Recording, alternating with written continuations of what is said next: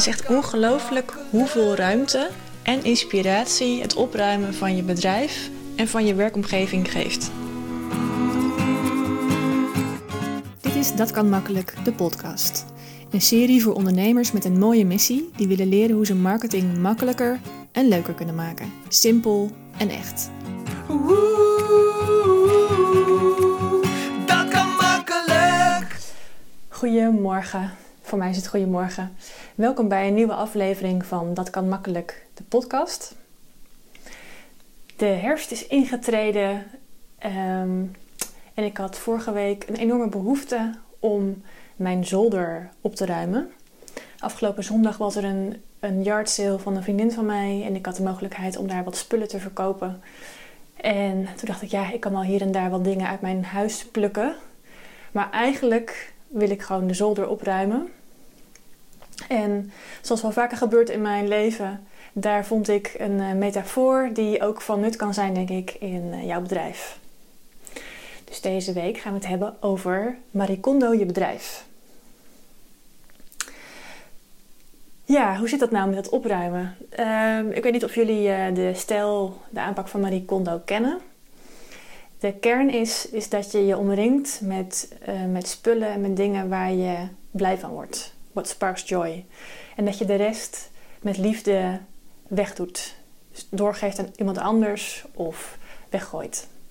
En dan ook dankbaar bent voor wat het je heeft gegeven. En dat lijkt op het eerste gezicht uh, een hele simpele methode, die niet zo heel erg wereldschokkend is. Maar ik heb al een aantal keer ervaren in mijn leven dat dit toepassen, dit principe toepassen van mijn omringen waar ik blij van word en de rest uh, wegdoen, dat dat ontzettend krachtig is. De eerste keer dat ik dit ervaarde was ondertussen, hoe lang zal het geleden zijn? Een jaar of vier geleden. Toen Um, toen mijn toenmalige partner en ik uit elkaar gingen. Wij woonden samen in Amsterdam. En ik, uh, ik was degene die vertrok. Ik vertrok weer naar Utrecht. En toen had ik de mogelijkheid om alleen maar de dingen mee te nemen die, waar ik blij van werd. Heel veel dingen die we hadden waren, uh, waren gemeenschappelijk. En uh, ja, het was, voelde voor mij ook niet logisch om dingen mee te nemen die als ballast voelden. Ik zat toen midden in een burn-out. En um, ja, ik kon toen heel duidelijk voelen, ik wil niet die ballast meenemen. En wat het effect is, als je dit zelf hebt toegepast, dan herken je dat waarschijnlijk, is dat het eigenlijk, je kan je eigenlijk niet voorstellen hoeveel energie het kost om je te omringen met, uh, met ballast, met ruis, met spullen waarvan je het gevoel hebt dat je ze niet weg kan doen omdat ze nog ooit uh, van, van nut gaan zijn. Terwijl dat eigenlijk al heel lang niet aan de hand is. Dus je bent een soort dingen aan het verzamelen die, uh, waar je een soort schuldgevoel over krijgt als je die weg zou doen. Of omdat ze nog nuttig zijn, of omdat je ze hebt gekregen van iemand bijvoorbeeld. En denkt, ja, ik kan toch niet dat cadeau wegdoen. Maar ook, um, ik vond zo'n mooi voorbeeld, uh, de boeken die je dan in de boekenkast hebt staan. Waarvan je denkt, ja, die die moet ik nog gaan lezen of op je, uh, je nachtkastje. Maar iedere keer dat je dan naar bed gaat, zie je die boeken op je nachtkastje en voel je eigenlijk, oh, dit zijn nog to-do's die ik moet doen. En hoe langer dat duurt, hoe, hoe meer het kan omslaan van, oh leuk, ik ga dat boek lezen, naar shit, ik heb dat boek nog niet gelezen, ik moet daar wat mee. Dus al die dingen die, zeg, die tegen je zeggen, ik moet daar nog wat mee, dat trekt onbewust heel veel energie. En er zijn natuurlijk ook nog spullen die je gewoon niet mooi vindt, um, maar waar je gewend aan bent geraakt. Nou ja, er zijn allerlei varianten van ditzelfde thema. Zowel van uh, persoonlijke spullen als van uh, gewoon gebruiksvoorwerpen. Of een soort zuinigheidsoverweging van ja, ik heb het nou eenmaal, um, dus ik moet er maar het beste van maken. Nou, je komt in je spullen, kom je ook je, je reflectie tegen van hoe je zelf in het leven staat. Net zoals bij geld of bij relaties. Of überhaupt hoe je je bedrijf runt. Um, ik vind het ook allemaal van die spiegels van je eigen overvloeddenken of tekortdenken. Oh ja, ik heb er nog één. Uh, dit is voor mij ook een beetje een stokpaardje. Dat als je duurzamer gaat leven, zoals ik, dan kan je daar soms ook zuiniger van worden. Omdat je denkt, oh, dit, ik kan dit niet weggooien, want dit is nog waardevol materiaal. Um, dus nou ja, zo kan je voordat je het weet, heb je een hele schuur vol met latjes en stukjes plastic eh, buis en lapjes stof en doosjes. ja, daar kan je nog wat mee. Daar kan ik nog een surprise mee maken. Nou ja, anyway. Ehm, kortom, voordat je het weet, heb je een leven vol met losse eindjes. Met dingen waar je nog wat mee moet, maar waar je niet per se meer zin in hebt. En ik noem dat even ballast. En het idee van de, de, de aanpak van Marie Kondo is, is dat je al die spullen door je handen laat gaan uh, volgens een bepaalde methode. Het kan ook een andere methode zijn. Ik heb zelf een andere methode gevolgd met uh, zeg maar de aanpak ervan, maar de kern blijft hetzelfde. Word, ik hier blij van, dan hou ik het. Word ik er niet blij van, dan beslis ik. Uh, gaat, het naar de kringloop, gaat het naar iemand anders of gaat het in de prullenbak? En door dat consequent te doen, kom je in een soort flow terecht. Ik merkte dat op zolder. Ik zag er eerst heel erg tegenop. Want uh, ja, de zolder is bij mij zo'n plek waar ik ja, op een gegeven moment ook totaal ongeorganiseerd maar dingen neerzetten. Omdat ik niet meer wist waar het precies hoorde. Bij welke categorie en waar dat stond. Dus op een gegeven moment kon ik de trap bijna niet meer op. Um, of de zolder niet meer op. Dus ik kon alleen maar vanaf de trap nog dingen op de zolder schuiven. Toen dacht ik, oh mijn god, hoe ga ik dit organiseren? Maar ik heb een uh, een opruimcoach uh, gevraagd. Natasha Sanders heet ze. Zij is ook een klant van mij geweest van tijd, rust en ruimte. En zij heeft een hele fijne methode. En op die manier kon ik uh, toch binnen anderhalve dag was die zolder. nou ja, ik moet het nog in de goede dozen stoppen. Maar in ieder geval staan er alleen nog maar de spullen die ik wil houden en waar ik blij van word. En de, wat mij opviel aan mezelf is dat het me zoveel letterlijk ruimte gaf in mezelf, maar zoveel lichtheid ook, dat ik toen pas merkte hoezeer die spullen mij ja, naar beneden trokken. Bijvoorbeeld ook wat voor mij altijd dingen zijn die heel veel energie kosten, zijn um, herinneringen van vroeger. Um, ja, zeg maar spullen van mijn, van mijn school bijvoorbeeld. Of ik had het ook bijvoorbeeld heel sterk bij cursussen die ik had gedaan, waarvan ik opeens een gevoel kreeg van shit, ik weet helemaal niet meer wat ik daar heb geleerd. Wat zonde van mijn tijd en geld. Dat, ik, dat er een soort oordeel over mezelf ontstond. Ik dacht, ja, ben ik nu überhaupt iets opgeschoten? Weet ik nou wel meer van tantra? Bijvoorbeeld, ik ging tantra boeken verkopen. Uh, toen dacht ik, ja, ken ik de inhoud van deze boeken al? Moet ik ze dan niet gewoon houden? Om alsnog te leren wat erin staat. Dus een soort uh, zweep, een soort oordeel naar mezelf. Um, over de spullen die ik waar ik in had geïnvesteerd en waar ik dan voor mijn gevoel niet voldoende uit had gehaald. Ja, dat soort spullen. Dat, is heel waardevol om daarbij heel vriendelijk, maar ook beslist te kunnen zeggen: ze hebben me gediend. Toen had ik er behoefte aan. Toen heb ik er iets uitgehaald. Nu zou ik misschien een andere keuze maken. Word ik er blij van, dan hou ik het. Ga ik er tegenop zien of voel ik een schuldgevoel, dan mag het gewoon weg. Ik hoef mezelf dit niet aan te doen. Nou, en dat gaf dus zoveel ruimte dat ik als een soort nou ja, ik, ik had een vriendin gebeld en die zei: Ik heb nog nooit iemand zo vrolijk gehoord over haar, het opruimen van haar zolder. Het was heel bijzonder om te merken dat ik dat, um, ja, dat het me letterlijk zoveel plezier gaf en zoveel ruimte. Nou ja, ik dacht, daar wil ik je iets over vertellen. Want nou ja, los van het feit dat ik iedereen aanraad om uh, zo vlak voor de winter lekker. Uh, want we gaan ook meer binnen zitten. Dus zorg ervoor dat de plek waar je, waar je woont en waar je verblijft, dat het een fijne plek is waar, waar je ruimte en inspiratie voelt.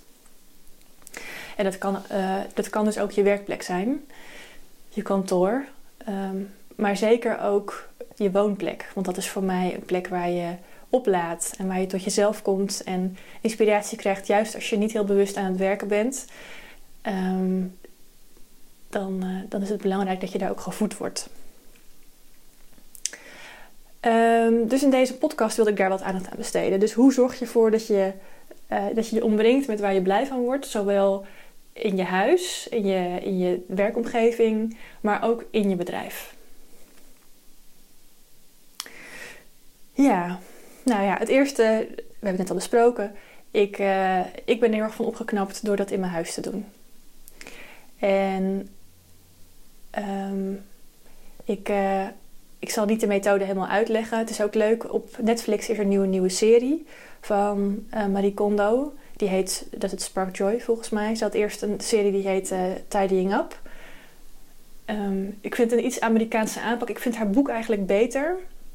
Omdat daarin ook wat meer aandacht wordt besteed aan hoe je omgaat met als spullen heel emotioneel zwaar voelen om weg te doen. Bijvoorbeeld foto's van familie of kinderkleertjes of al die dingen waar je een enorme emotionele waarde aan hecht. Dat vond ik in de serie niet zo goed naar boven komen.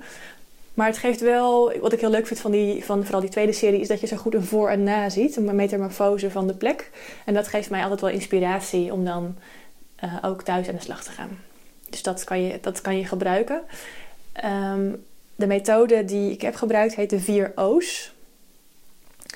Uh, ik weet niet eens meer waar die vier voor staan. Maar de, de eerste stap is in ieder geval uh, ga naar de ruimte en, en bekijk wat wil ik eigenlijk met deze ruimte doen?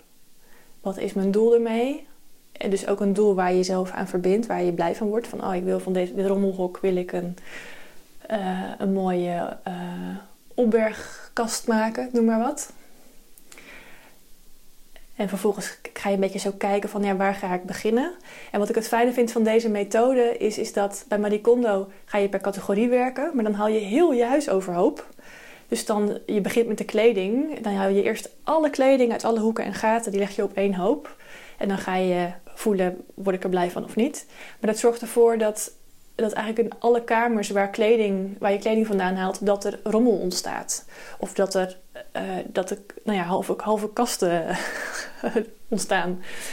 Uh, hetzelfde met boeken. Dus eigenlijk moet je dan heel je huis doen en ben je gewoon best wel een tijd bezig voordat je klaar bent.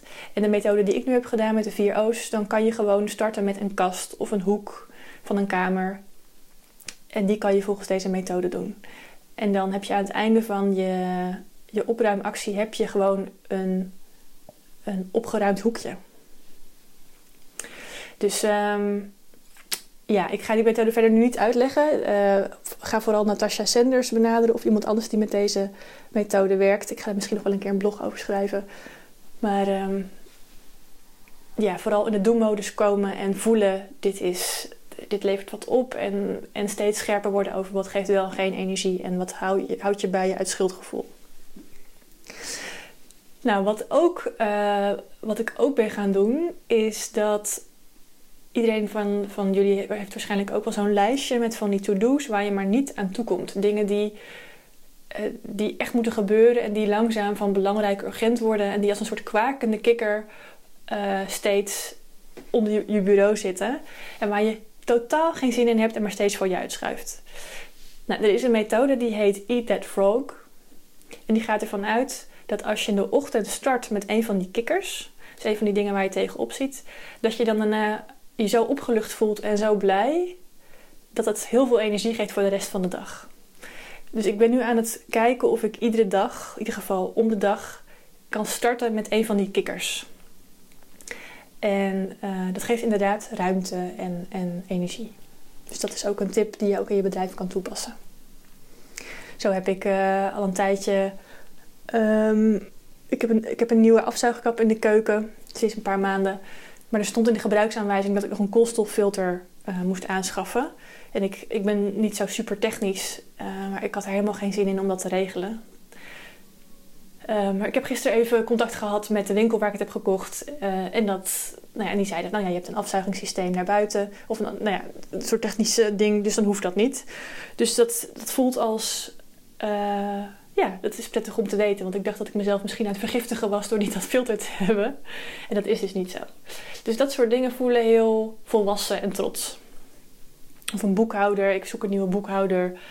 Um, en ik heb er al een paar versleten. Dus dat is niet iets waar ik echt nou ja, zin in heb. En het voelt ook niet echt als een makkelijk klusje. Maar toch is het heel erg fijn dan om daar stappen in te zetten. Dus je zou jezelf af kunnen vragen: wat ben ik steeds aan het uitstellen? Wat wel echt moet gebeuren? En wat eigenlijk ook energie trekt en aandacht vraagt. Stiekem, wat is voor jou de kwakende kikker?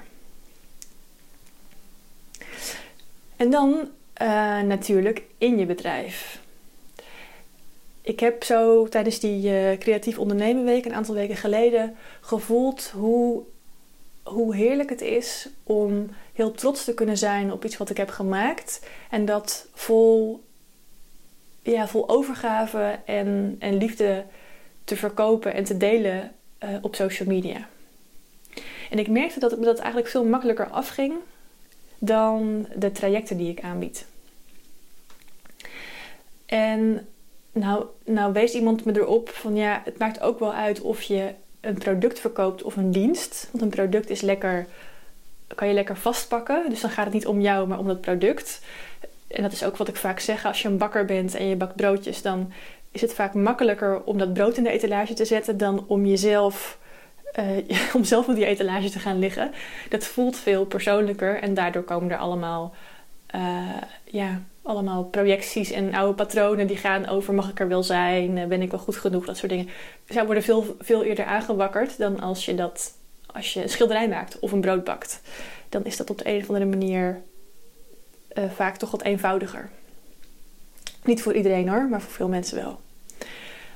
Um, maar het is dus wel, het is wel belangrijk. Het is belangrijk dat jij, dat jij voelt dat wat je aanbiedt, dat dat klopt dat je daar trots op bent. En dat je het gevoel hebt: oh, dit is iets waar ik zonder veel gedoe, wat ik zonder veel gedoe in mijn etalage kan zetten. Omdat ik uh, erin geloof. Ik heb vertrouwen dat, ik het, dat, dat er voldoende publiek voor is. Ik hoef er ook niet mee te gaan leuren. Um, ik heb vooral uit te zoeken waar die mensen zitten. Um, dus ik hoef niemand over te halen. Maar ik ben gewoon, dit is het. En uh, als je de roeping voelt om met mij dat te gaan doen, hier ben ik. Dus dat er een soort, ook een soort schone, frisse energie om zit, een soort ruimte omheen zit. En dat is waar ik jou bij kan helpen. Dus dat het Spark Joy gaat ook op voor wat jij aanbiedt. En dan gaat het erom dat het precies past bij wat jij goed kan, maar ook, en dit is de crux, we hebben het er volgens mij al eerder over gehad, ook bij wat jou, wat jou weinig moeite kost en waar jij zelf heel blij van wordt.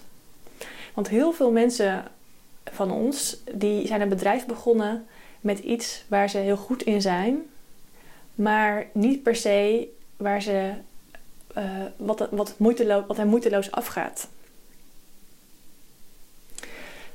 Het zijn zeker, zeker bij coaches en therapeuten zijn vaak mensen die uh, ervaringsdeskundig zijn, die zelf hebben ervaren Um, die zelf een soort ja, donkere periode in hun leven hebben meegemaakt en er iets in hebben geleerd. En dan denken, oh, dit wil ik gaan verspreiden. Dat wil niet zeggen dat, wil niet zeggen dat jij, ten eerste wil dat niet zeggen dat je er goed in bent. Want om, om een expert te zijn op dat gebied, dat is iets anders dan een ervaringsdeskundige. Een expert heeft er vaak wat meer afstand van. En heeft ook een soort intrinsieke motivatie om hier iets over te leren. Vaak, wat vaak aan de hand is bij coaches en therapeuten, is dat ze het interessant vinden, zolang ze er zelf ook nog iets in te leren hebben. En als het voor hen, ja, als hun eigen leerproces is afgerond, dan, dan is het thema ook niet meer zo boeiend. Dus dat is interessant om te voelen. Als jij zo'n coach bent, geldt dat dan ook voor jou. Maar wat ook aan de hand is, even kijken hoor, ik ben mijn punt even kwijt. Um, oh ja, is dat je, uh, dat je er nog best wel hard aan het werk voor bent. Dus het is het verschil tussen de zone of, uh, zone of excellence en je zone of genius. In je zone of excellence uh, ben je ergens goed in, maar moet je er ook hard voor werken. Uh, het is wel zo dat je er ook veel erkenning voor krijgt, omdat mensen zien dat je er goed in bent. Dus er zit zeker een kwaliteit, maar het gaat je niet moeiteloos af. En er is nog een andere zone. En veel van ons blijven steken in die, in die zone. Dat is, trouw, dat is ook de zone waar je makkelijk op leeg loopt. Uh, waar je nog iets te bewijzen hebt. Um, waar je overuren in maakt. Waar je um, niet goed kan stoppen. Um, en ook kan leeglopen en een burn-out in kan krijgen. Omdat er ook een soort bewijsdrang zit. Uh, er is nog een andere zone. En in onze westerse maatschappij houden we ons daar niet zo heel erg vaak mee bezig. Want voelt, wij, wij, wij koppelen kwaliteit aan hard werken. En de moeite die je erin stopt. Daarom hebben we het ook vaak over een uurtarief. dus je moet er een bepaalde hoeveelheid tijd in stoppen. En dan, uh, dan pas is het kwaliteit. Ik merk het ook wel als klanten die met mij samenwerken. Die, uh, ik, ik vraag een trajectprijs. En dan zeggen ze, maar hoeveel uur krijg ik daar dan voor? En ik denk dan, ja, eigenlijk is de beste deal volgens mij als het relatief weinig uur is, maar toch een goede kwaliteit. Want dan, uh, dan is het heel efficiënt voor ons beiden. tijd, daar heb je weinig van. Dat is een schaars goed. Uh, dus die kan je beter zo efficiënt mogelijk besteden. Dus, dus een, een, cursus die voor mij heel veel uren kost, vind ik niet per se een betere cursus dan een cursus die hetzelfde bereikt in minder uren. Dus dat is de Zone of Excellence. Maar je Zone of Genius, dat is de zone waar je enorme goede kwaliteit levert, zonder dat het jou heel veel tijd en moeite kost. En waar je blij van wordt. En dat is, uh, dat is lastig om dat zelf te ontdekken, omdat dat voor jou vaak een heel vanzelfsprekend gebied is waar je dan zit. Juist omdat je dan denkt, ja, dit doe ik, dit zou ik zonder geld zelfs willen doen. Zo leuk vind ik het. Uh, daarom neem je dat zelf vaak niet serieus en um, zet je dat zelf niet in je etalage. Blijf je het vaak als hobby zien, bijvoorbeeld. Of je onderwaardeert het en je vraagt er te weinig geld voor. Of vaak op de een of andere manier ons ego denkt: het moet, het moet een beetje pijn doen. Dus we gaan dan toch een, een heel groot aanbod aanbieden. Of we gaan allemaal extra's bedenken. We geven onszelf een enorme to-do-lijst om het gevoel te hebben: dan pas is het waardevol. wat je met mij zou kunnen onderzoeken, en dat heb ik al een aantal keer ervaren en dat is zo ontzettend gaaf, is als je, uh, als je met mij kan kijken naar wat is nou echt de waarde die jij geeft zowel hetgene waar jij blij van wordt, maar wat ook hetgene is wat joy sparkt bij je klant. Dat is natuurlijk wat je wil. Je wil een soort match vinden tussen de waarde die jij biedt en de, ja, de kwaliteiten die jij te geven hebt. En een klant die dat precies nodig heeft. Dat is die markt. En marketing gaat daar ook over. En ja, nogmaals, dat is. Uh, ik heb het, bij mezelf vind ik dat ook vaak lastig van wat is het nou precies? Maar in contact met iemand anders die goede vragen stelt en die mij ook eigenlijk groter ziet dan ik zelf ben. Dat is ook wat ik met jou doe. Ik zie, ik zie jouw kwaliteit op een manier die jij zelf nog niet kan zien. Dus ik zie jou iets groter en iets verder. Uh, en ik zie ook hoe jij van nut kan zijn voor een grote groep mensen dat heb jij misschien nog niet eens durven dromen of durven zien. Dat is zo waardevol, want dan kom je in het gebied van je zoon of genius terecht. En dat is volgens mij ook waar de spark zit, de vonk zit in jouw bedrijf. Wat de kern mag zijn van wat jij, ja, van wat jij aanbiedt en wat jij leeft met je bedrijf. Waar jij een bijdrage aan levert. En dan kom je in het gebied terecht ook waarbij je kan voelen: het gaat niet om mij, maar het gaat via mij. Dus dat je op, zeg maar, op het podium staat. Je hoort kunstenaars het vaak zeggen, zangers, van ja, ik heb wel geoefend en het, het komt heus niet uit de lucht vallen. Ik bedoel, ik ben, een, uh, ik ben wel een, een goed geoefend instrument. Maar vervolgens, toen ik dat ging zingen, toen voelde ik, dat was een soort bijna meditatieve ervaring.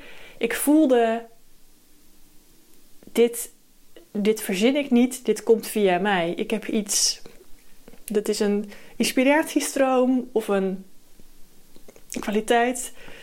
Die geef ik door. Dat gevoel. En dan, uh, dan hoef je niet meer hard te werken. Dan ben je een soort doorgeefluik, maar wel heel zuiver. En dat is wat ik graag doe met mensen die een uh, praktisch idealistische insteek hebben. Dus die de wereld mooier, gezonder of gelukkiger willen maken. Uh, duurzamer. Um, dat je zelf stapt uit die malle molen van het superharde werken, maar juist heel zuiver gaat voelen waar zit die vonk in mij. En op die manier kan je, uh, ja, kan je die Marie Kondo ja, methode, visie ook toepassen in je bedrijf. Dus zowel je, waar je woont, waar je werkt, hoe je omgaat ook met uh, het gedoe in je bedrijf, zeg maar de administratieklusjes of de taken die je al lang op je bordje hebt liggen, um, die, waar je last van hebt, de kwakende kikkers. Maar ook dus de kern van je bedrijf, waarin je hetgene waar je voor staat, je diepere waarden en het aanbod wat je vervolgens op basis daarvan geeft. Nou, ik ben heel nieuwsgierig um, wat het bij jullie oproept. Of je er ideeën bij krijgt, of je zin krijgt ook om, om zelf op te ruimen in je bedrijf. En uh, ja, of jij geroepen voelt om dat samen met mij te doen. Ik kijk er enorm naar uit. Dankjewel voor het luisteren. Heb je interesse? Kijk dan op www.datkanmakkelijk.nl.